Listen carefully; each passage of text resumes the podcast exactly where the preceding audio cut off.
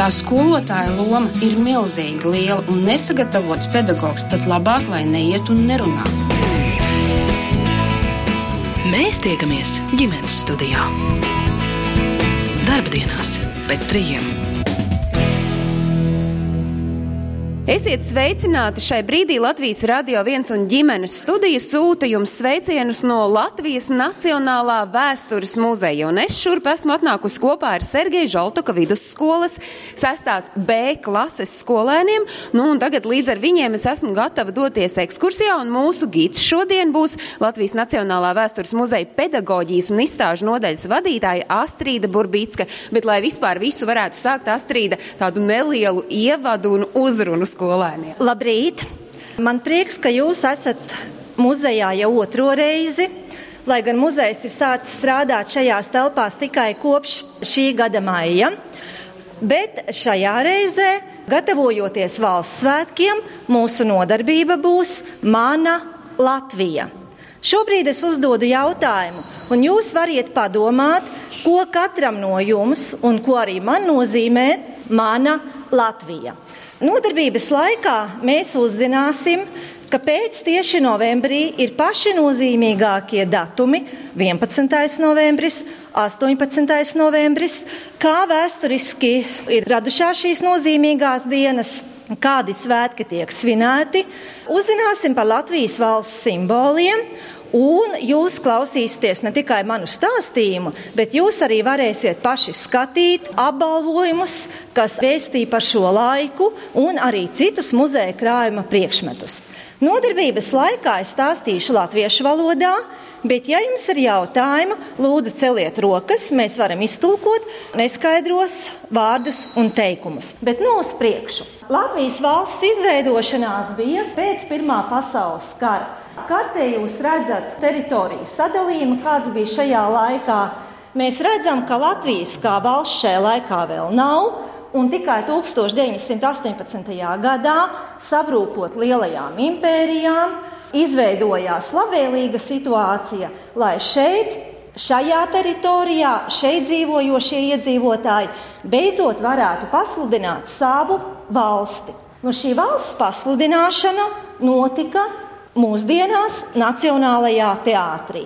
Nu, lielākā daļa esat vai nu bijuši vai braukuši garām. Tātad šī ir vēsturiskā ēka, jo tieši šeit 1918. gada 18. novembrī sanāca kopā tā laika aktīvākie cilvēki, kuri dienu iepriekš jau bija izveidojuši tautas padomi. Mūsdienās ir vēlēts parlaments, tikko nesen bija saimas vēlēšanas, tajā laikā izveidoja šo parlamentu tautas padomi, un jau dienu iepriekš bija arī izveidota Latvijas pagaidu valdība, kuru vadīja Kārlis Ulmanis. Un, kā stāsta kronikas, tad 18. novembris ir bijusi diezgan pelēka, drūma diena, līdzīgi varbūt kā tas ir arī šobrīd. Protams, kā arī šis sarkanbalts sarkanais karoks tika darināts lielā steigā, jo gatavi karogi, kā tas ir mūsdienās, protams, nebija. Nākamajā dienā laikrakstā parādījās telegrammas. Nu šeit mēs varam redzēt seno drupu. Lasīt ir grūtāk nekā mūsdienās. Tātad šeit ir rakstīts līduma, tātad laikraksts, ekstrā telegramma. Latvijas valsts proklamēšana viņas pirmais ministru prezidents Kārlis Ulmanis, un tātad vakar, 18. novembrī, pulkstenis puspiecos dienā, Rīgā, Latvijas operā, liela ļaužu pūļa klātbūtnē Latvijas tautas padomes cīnīgā kārtā proklamēja neatkarīgu Latvijas valsti. Un šeit mēs redzam pirmo reizi, kā Latvija ir apvienota etnogrāfiskās robežās, kurzeme, vidzeme, latgale. Un no šejienes jau laikam mums ir skaidrāk, kāpēc brīvības pieminekli ir trīs zvaigznes, kāpēc augstākajā Latvijas valsts apbalvojumā triju zvaigžņu ordenī arī ir trīs zvaigznes, jo tikai izveidojoties neatkarīgā Latvijas valstī, pirmo reizi radās iespēja apvienot visus trīs novadus vienā valstī. Mēs redzam teritoriju, mēs redzam, ka pirms Pirmā pasaules kara 1914. gadā iedzīvotāji ir 2,5 miljoni. Nu, cik ir mūsdienās iedzīvotāji Latvijā? Kurš zina, cik šobrīd Latvijā dzīvo cilvēki? 1 miljons 700 tūkstoši. Kādas ir tavas sajūtas, ka tu lasi, ka šeit bija 2,5 miljoni un šobrīd 1,7 miljoni? Nu, tāpēc, ka ļoti daudz aizbraucu uz citu valsti. Jā, tātad arī viens fakts mums liek daudz ko padomāt. Latvijas valsts ir pasludināta, bet jautājums atkal jums. Kā jums šķiet, kas ir nepieciešams īstai valstī? Bez kā valsts nevar pastāvēt? Bez valsts prezidenta. Bija tautas padome, bija tautas padomes priekšstādātājs Jānis Čakste, nu, amatpersonas it kā bija. Kas vēl vajadzīgs? Bez cilvēkiem. Nu, cilvēki bija. Protams, ka Pirmā pasaules kara laikā daudzi bija devušies eh, bēgļu gaitās, krituši karā, arī saimnieciskie postījumi bija ļoti lieli, bet nu, cilvēki bija. Kas vēl vajadzīgs? Karaspēks. Karaspēka, diemžēl, vēl nebija. Malacis. Teritorija. Teritorija jau mums ir, bet nav novilktas robežas, nav līgumi ar citām valstīm, un arī citas valstis Latviju vēl nebija atzinušas. Un tikai pēc tam, kad Latvijas iedzīvotāji paši izcīnīs uzvaru neatkarības karā, tikai pēc tam sāksies Latvijas starptautiskā atzīšana. Ko jūs vēl sauktu, kas vēl ir vajadzīgs mūsdienās, tad, kad būs apstiprināta jaunā valdība, tūdaļ atkal visi sāks runāt par naudu un budžetu. Tātad nu, naudas arī nebija. Situācija pēc Pirmā pasaules kara beigām arī bija gana slikta, un šādos apstākļos bija jāsāk veidot jauno valsti. Šo situāciju sarežģīja vēl kas. Bija spēki un bija varas, kuras nebūtu nevēlējās, lai Latvija attīstās kā neatkarīga valsts. Un ko mēs redzam? Ja 18. novembrī Latvijas valsts tiek pasludināta, tad jau pēc pāris nedēļām sākas Latvijas neatkarības karš. Un piedevām šī kara laikā, kas ilgs nu vairāk kā gadu, bija jācīnās pret trim karaspēkiem. Nu, pirmkārt, tas bija lielinieku karaspēks, kas nāca no padomju Krievijas. Otrakārt, tas bija vācu karaspēks, un vēl piedevām trešais karaspēks, kurā apvienojās gan vācu karotāji, gan Krievu monarhijas atbalstītāji. Un šajā laikā, kad Latvijas armija sāk veidoties, bija jācīnās pret daudz spēcīgāku, kaujās rūdītāku karaspēku. Un paraugamies lūk uz šo fotografiju, jo nekas cits nepastāsta labāk par to laiku kā fotografijas. Mēs redzam, ka ir jau 19. gada vasara, bet nebūtu tās nav vienotas formas, jo nebija ne līdzekļu, ne laika. Tādēļ mēs redzam, ka ir gan, gan apģērbs, kas varbūt karavīrs ir paņēmis no mājām līdzi, vai kādas vecās armijas formas. Toties ir vienojošs simbols, šī zīmotnīte sarkanbalta sarkanā, kas tad arī vienoja karotājus. Kur tā zīmotne ir? Pie cepures. Un šeit mēs redzam Bermonta karaspēka kaujas parādi, un šeit mēs redzam mūsu karavīrus vecrīgā. Šīs fotogrāfijas arī ir interesantas, jo šeit mēs varam atpazīt mazās un šaurās vecrīgas ieliņas, jo Bermanta karaspēks bija pār Daugavā, Daugavas kreisajā krastā, savukārt šī Daugavas puse un vecrīga bija kļuvusi par ierakumiem. Ja mēs apskatām šo fotogrāfiju, arī šim jaunajam karavīram noteikti nav vairāk kā gadi 16. Un jaunākajam karavīram, kas ir apbalvots ar Lāčplēša kara ordeni, bija tikai 14 gadi. Cik jums ir? 20. 12? Jā. Lūk, kurš atpazīst šo vietu fotografijā? Pareizi vērts Rīga Melngāvju nams, pretī ir atslaukums, pats pilsētas centrs, pati pilsētas sirds, un mēs redzam, ka arī šeit bija ierakuma līnija, arī šeit bija fronte. Pateicoties veiksmīgam Latvijas armijas uzbrukumam, 19. gada 11. novembrī Bermuda karaspēks sāk atkāpties. Nu, ko jūs redzat šajā fotografijā? Vecrīga arī pazīstamas vietas. Viņa padodas. Viņa padodas. Kas ir tie viņi? Bermontieši. Bermontieši padodas. Tātad baltais karoks, kas liecina par to, šis lūzums kaujas laikā ir gūts. Tas liecina par to, ka patiešām tajā laikā tā arī bija, ka gāja ar tādu baltu karogu un tā kā filmās rāda. Nu, tā kā filmā šī fotografija to apliecina. Tas ir viens piemērs, kas par to stāsta.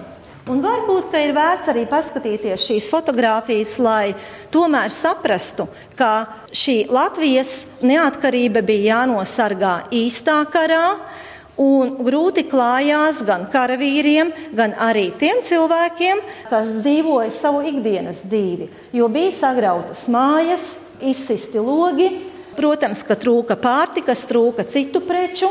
Arī šeit mēs redzam šo vēsturisko fotografiju. Tātad, kādu ēku jūs atpazīstat šeit fotografijā? Rīgas pils. Tas, ko es teicu sākumā, kā pili mēs redzēsim arī vairāk kārt. Tātad kopš 19. gada vasaras šeit bija sarkanbalts, sarkanais karoks. Un droši vien ienaidniekam tajā krastā bermontiešiem ļoti nepatika, un varbūt šis pils tornis cieta visvairāk. Blakus esošā banka sēka arī tie ir postījumi.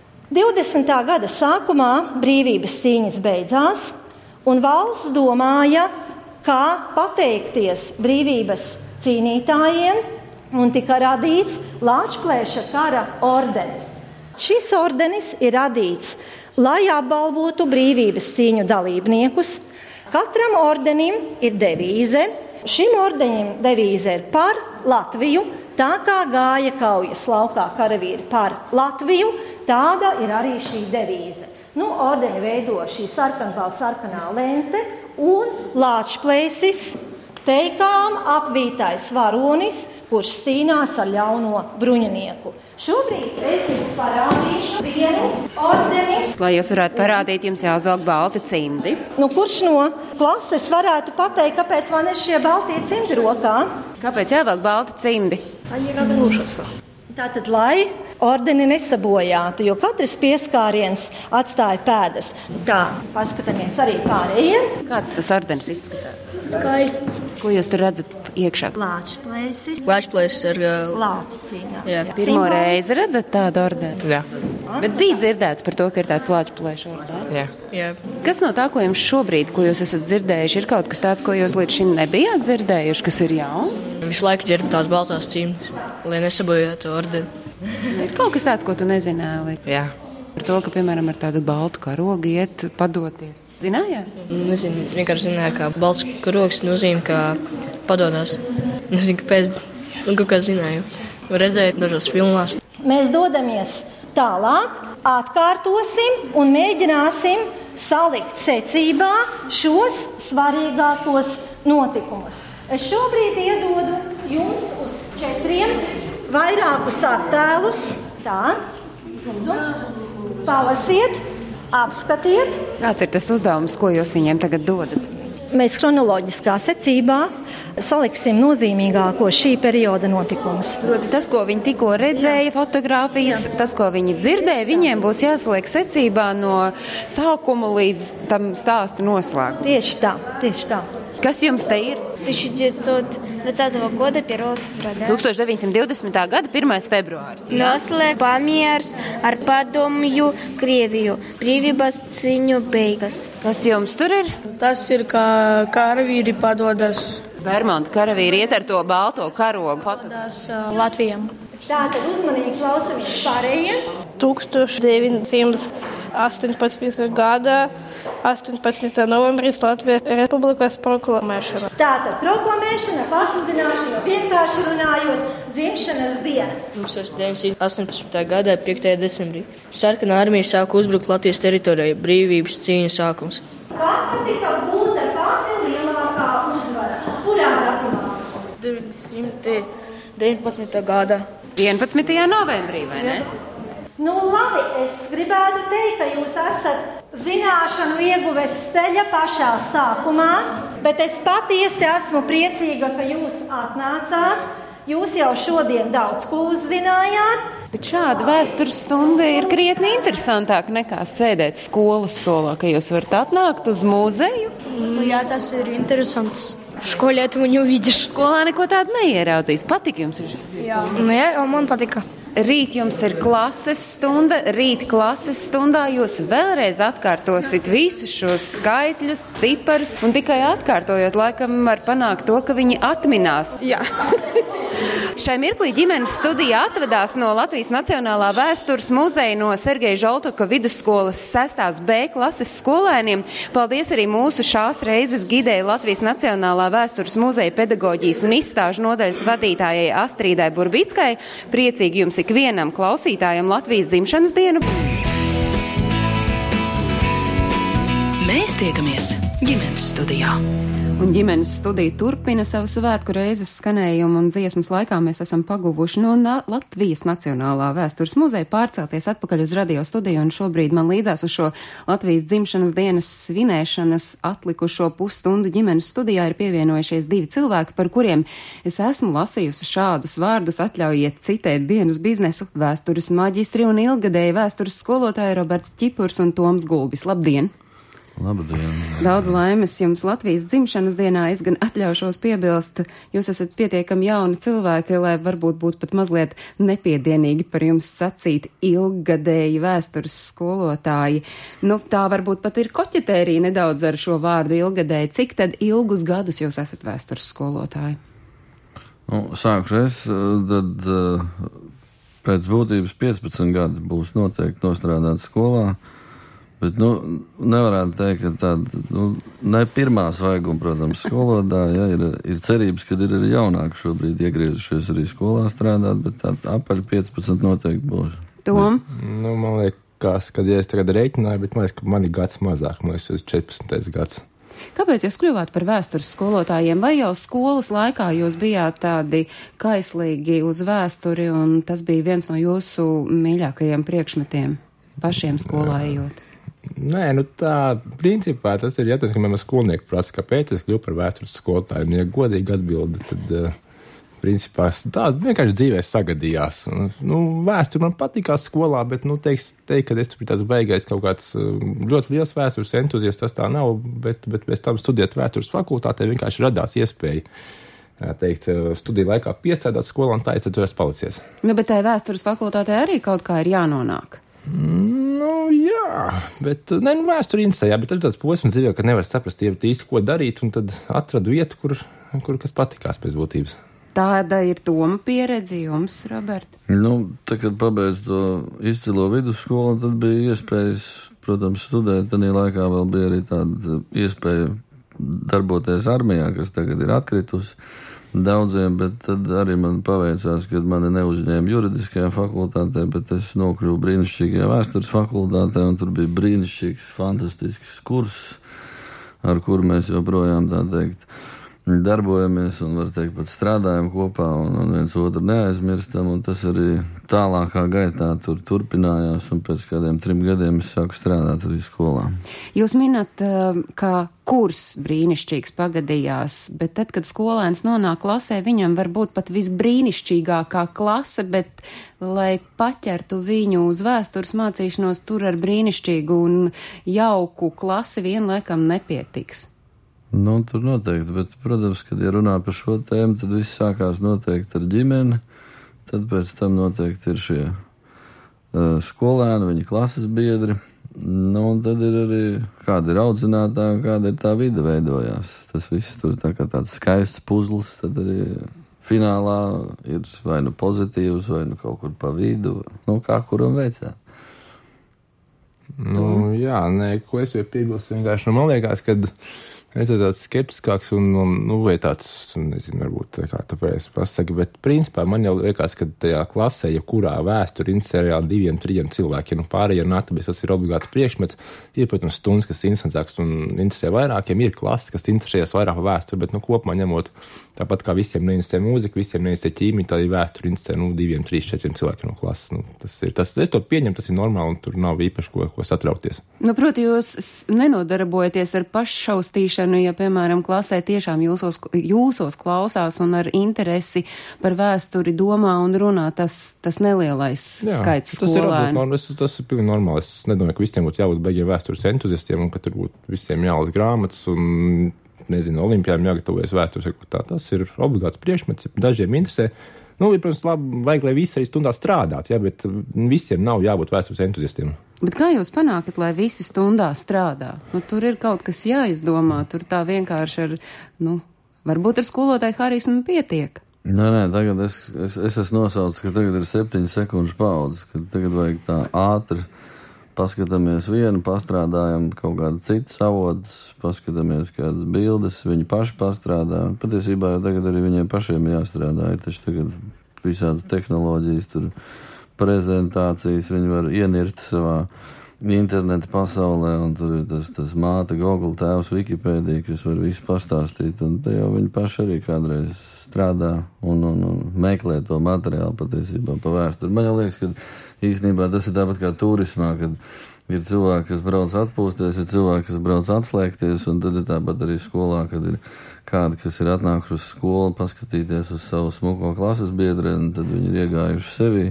Un tad aiziet mājās, un viņi sāk atcerēties, ko viņi tajā stundā dzirdēja, un tad sāk kaut ko mācīties, meklēt. Bet, ja tai smukajai klases biedrinai tā vēsture ir tuva sirdī, un viņa ir iekšā vēsturē, vai varētu pastāvēt iespēja, ka tas, kurš ir atnācis tikai tāpēc, lai uz viņu paskatītos, arī interesēs? Tieši tā, viņam taču kaut kā tur, tur sevi jāprezentē, viņam tur būs jāsāk kaut ko saprast, lai varētu uzsākt dialogu.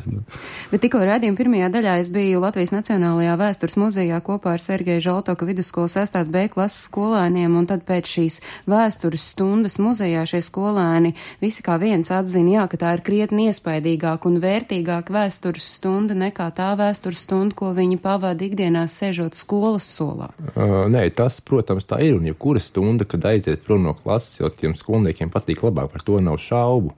Un, un, un, teiksim, arī tad, kad tas, kurš varbūt tur klasē sēž un spaida savu telefonu zem soli, ja viņš tad mūzijā vai kaut kur citur, viņš sāk kaut ko klausīties, viņam interesē, bet, bet, bet, bet tas ir tāpēc, ka vienkārši vidus mājiņa, teiksim, viņam būtu stunda katru dienu mūzijā, viņam arī atkal apnikt. Jā, tieši tā. Nu, tas tāpat kā katru dienu ēst kūkas, vienu nu, siļķi sagribēsies. Tā ir tāda izraušanās noteikti, ka tu atkal esi kaut ko jaunu ieraudzījis. Jā, bet šajā gadījumā tie skolēni, viņi izgāja tai Latvijas neatkarību, viņi izgāja to periodu Latvijas neatkarības iegūšana, proti tas laiks, kuru mēs šobrīd atminamies, mm. un tur ir pietiekami daudz gada skaitļu, pietiekami līdzīgi, tur 1918. gada 18. novembris, 19. gada 11. novembris. Šeit tajā muzejā iespējams vienreiz atkārtojot otro reizi, pēc tam aizejot atpakaļ uz klases stundu kopā ar vēstures skolotāju, vēlreiz atkārtojot, tie cipari ieguls atmiņā krietni uz ilgāku laiku, iespējams uz visu mūžu, nekā tad, ja tikai vienu reizi tas izskan. Nu, te ir tā atkārtošana. Nu, nezinu, man liekas, vispār, ka to, to vēsturi drīzāk jāmāca tur tā kā, tā kā process. Es vismaz pēdējos gados noteikti necenšos tur iedzīt kaut kādus beigos skaitļus, jo tas, tas, tas muzejs varbūt arī parāda, un, un, un, un tas, ka skolnieki, skolnieki pamaina to vidi un, un iet uz ne tikai muzejiem, bet brauc ekskursijās, skatās kaut kādas kaut vai vecrīgas ainavas vai savas apkārtnes, tur pagastu vēsturi, iepazīst tuvāko pilskalnu, tad viņš nu, to procesu izjūt, ja, jo, jo skaitļi jau principā nogalina, ja viņi pārāk daudz. Nu, ir kaut kāda noteikti, teiksim, kas mums ir kalendārā, kas kā Latvijas pilsonim būtu jāzina. Ja. Bet, bet, bet nu, dzīves cilvēks visu skaidrs atcerēties nevar. Bet kuri tie ir jūsu prāti, jūsu kā vēsturnieku prāti, tie skaitļi, kurus tādam normālam Latvijas pilsonim vajadzētu zināt? 18. novembrī. Tad, ja, to zina, tad jau ir, tad jau ir ok. Pietiek tikai ar mēnesi un to. Nē, nē, no 18. gada 18. novembrī nu, valsts dibināšanu vajadzētu zināt. Es zinu, ka 11. novembrī skolnieki reizēm putrojās ar, um, nu, viņi saka, ka viena lāča plēš diena, tāpēc, ka pirmais pasaules karš beidzās 18. gada 11. novembrī. Tas ir, teiksim, nu, tur tie divi datumi tā. Maz cik es novērku skolniekiem galvā jūg, bet, bet, nu, ja 18. novembrī zina, tad jau ir labi. Jūs sacījāt, nu, ka klasē vidē 2, 3, 4 varbūt paveicis un ir vairāk skolēni, kurus aizrauja vēsturi, bet, nu, kur jūsuprāt ir tas vēstures šarms? Kas tad ir tas, kas šos skolēnus paķer, kas jūs pašus savulaik paķēra? Nu, tas ir, nu, ir sarežģīts jautājums vienā ziņā. Es nemaz nu, negribēju nu, uzdot ne. vienkārši jautājumu. Nu, es nezinu, tas ir tā, kā vienam patīk pavārmās, otram makšķēšana, trešam vēsture. Man to ne, tas nav tā izskaidrojums. Es nezinu. Nu, Jā, man, Vai tev ir kāda es, piemēram, dzīvoju bla- blakus Brīdovas muzejam. Tas bija viens no tiem iespējām, kas, kas deva kaut kādus pirmos soļus iepazīt vispār to senatni. Jo Latvijas etnogrāfiskais Brīdovas muzejs tas deva tādu, tādu zinām impulsu ne tikai interesēties, bet izgaršot un, un, un painteresēties pēc tam arī vēstures fakultātē, kas vispār tā vēsture ir. Patiesībā es neapskaužu tos mazos skolniekus. Ja kā es viņus saucu par Pokemoniem, tad, tad, tad piemēram, es vēsturē Pirmo pasaules karu vēl sapratu, bet brīvības cīņas es sapratu tikai universitātes pirmajā kursā. Kas tur notika, uz kurien kurš gāja. Jā, nu brīvības cīņas ir temats, ko es saprotu, ka arī skolniekiem to nevar iemācīt. Tur ir tiešām tā, ka tad jābeidz vēstures fakultāte, saprast, kas reāli notika brīvības cīņās, kurš ar ko, kāpēc cīnījās. Tas ir labi, jūs tagad, man liekas, noņēmāt akmeni no daudzu skolēnu pleciem, kuriem likās, kas tas ir, jo tie sestās klases skolēni arī, nu, gāja cauri šīm brīvības cīņām Nacionālajā vēstures muzejā, un tad turklāt tie vēl bija skolēni no bilingvālās skolas, tad lielākajai daļai no viņiem arī sarunu valoda ir krievu valoda ikdienā, un es pieļauju ka tāda Latvijas vēstures mācīšanās viņiem arī sagādā grūtības, un tad viņiem ar tur juka cilvēkiem, un tas ir laikam tikai normāli, bet jūs sacījāt, jūs dzīvojāt bērnībā, tas bija blakus tam brīvdabas muzejam, joprojām jūs tur dzīvojat.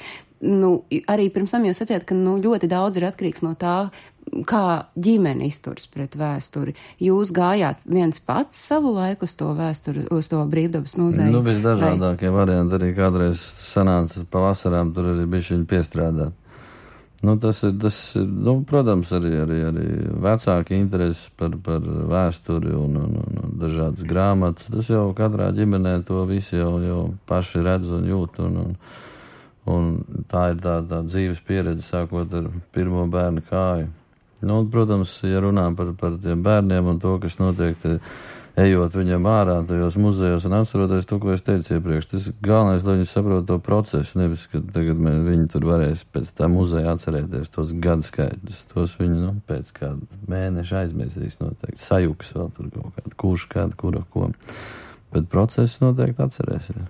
Jūs minējāt, ka tās brīvības cīņas ir sarežģīts temats, un pirms tam arī piebildāt, ka ir temati, kas vairāk interesē, ir kas mazāk interesē. Kuri ir tie, kurus jūs esat novērojuši vēstures temati, kuri skolēnus aizrauja? Iespējams, visa klase klausās pavērtām mutēm. Es nezinu, es teiktu, pavērtām mutēm, es nezinu racionāli izskatu, bet manuprāt, absolūti topā ir Adolfs Hitlers. Ar ko viņš cilvēkiem tik mīļš, es nezinu, bet, bet Hitlera biogrāfija visi grib izstudēt, visiem ir versijas, visi kaut ko pausi galam dzirdēs. Nu, ne jau visiem, bet nu, tas ir tāds temats, kas visiem kaut kā tur, ne, es nezinu, kāpēc, bet kaut kā uzrunā. Jā, mums vienā darba vietā tagad bija divas nedēļas pēc kādas jāpastāst tāda ļoti interesanta ceļojošā izstāde Sibīrijas bērni. Un tad man paveicās, ka man bija jārunā arī ar tādiem mazajiem Pokemoniem, pirmā, otrā, trešā klasa. Un, un, un, jā, tur tas, tas Hitlers tur bija ļoti pazīstams tādā auditorijā.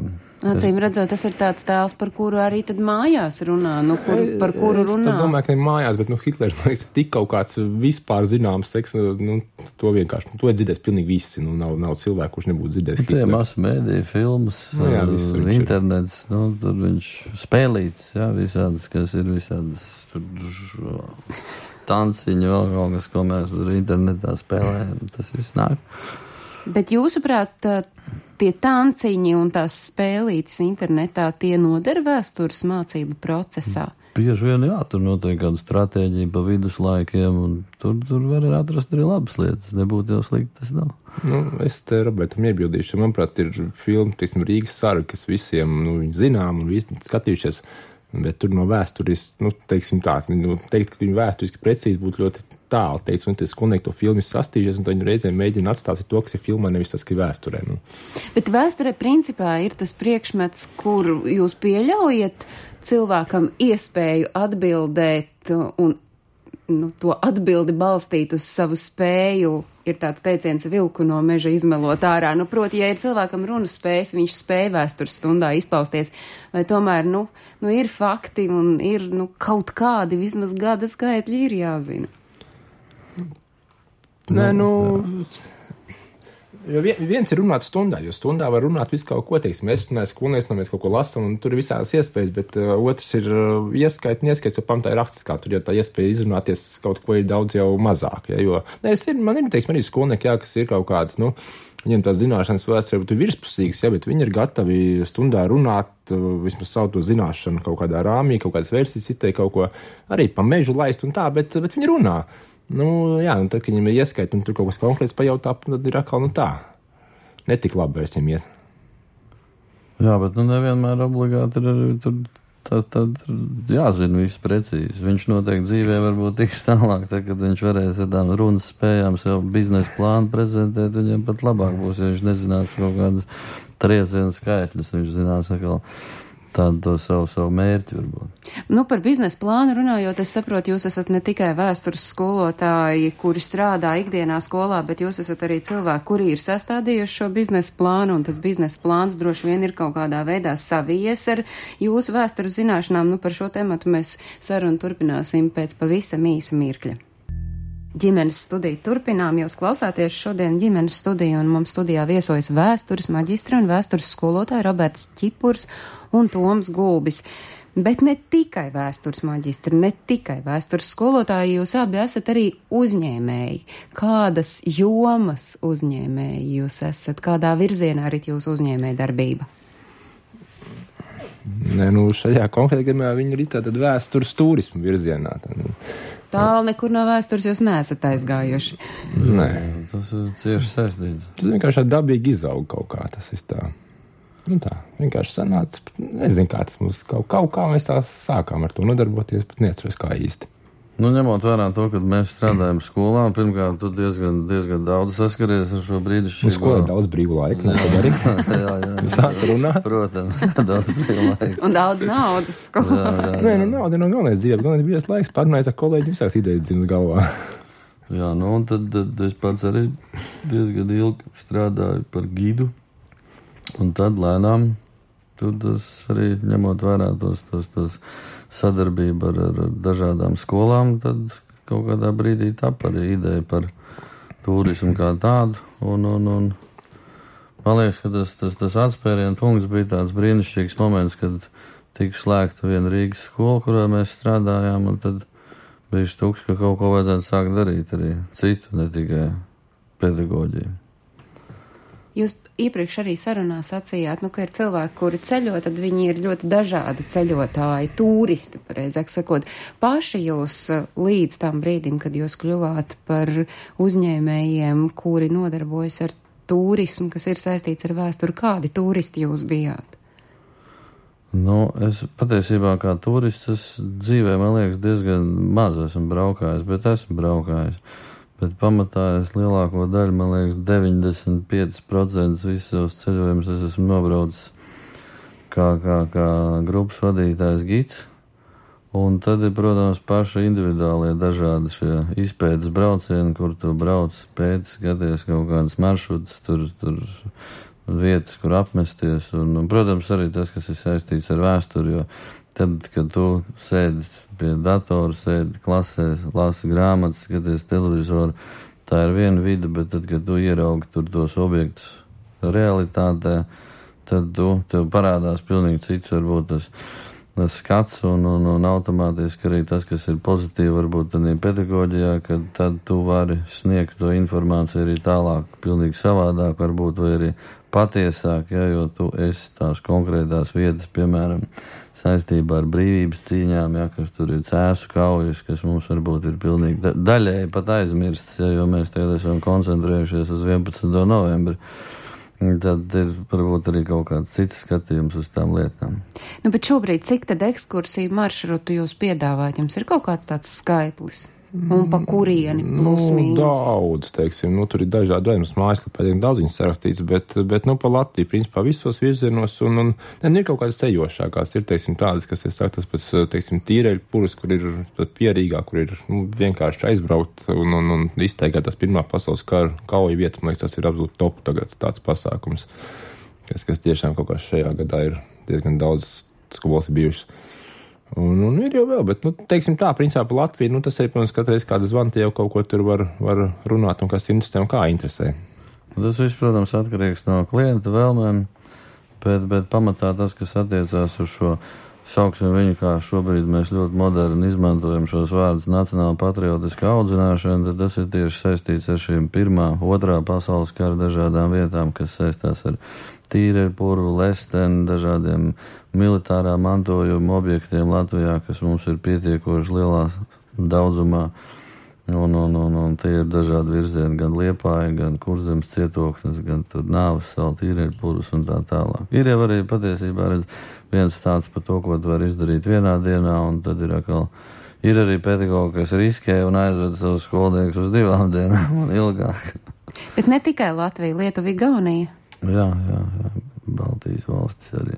Es saprotu, aptuveni 40, jūs to skaitli neminat, bet figurē kaut kādas 40 ekskursiju programmas, bet visas ar to pievienoto vērtību, ka tur nāk klāt nu, kaut kāda daļa no vēstures. Nu, jā, nu, teiksim, tāds, ja, nu, kā jau tās ekskursijas, ko taisa skolniekiem, nu, viņas ir jā, izteikt vēstures tādu kaut kādai vēstures tēmai veltītas. Bet tā jūsu mērķa auditorija nav obligāti, tie nav tikai skolēni, tās tikpat labi ir ģimenes, kuras nodarbojas ar šo nacionālo patriotisko audzināšanu. Nu, jā, tad, piemēram, tepat, kas te mums bija tikko brauciens uz to pašu nāves salu, tur ļoti skaisti tādas 20 cilvēku kompānija, dažādas tur darbinieki, ģimenes bija sabraukuši vienkārši apskatīties vienu fantastisku Latvijas vēstures vietu, kuru ikdienā mēs apmeklēt nevaram. Ja? Katrs ir bijis nāves salā.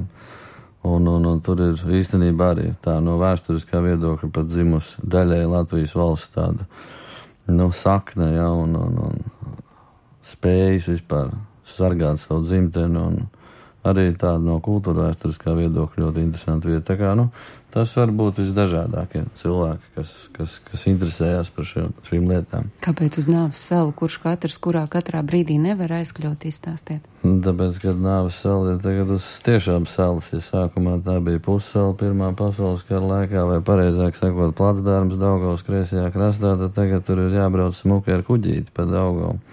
Jāaizbrauc vai no Zikšķila vai no Daugmals pagastu, un tad skaisti tu tā brīnišķīgi iekāp kuģītī vai kādā citā peldlīdzeklī un brauc pāri nāves.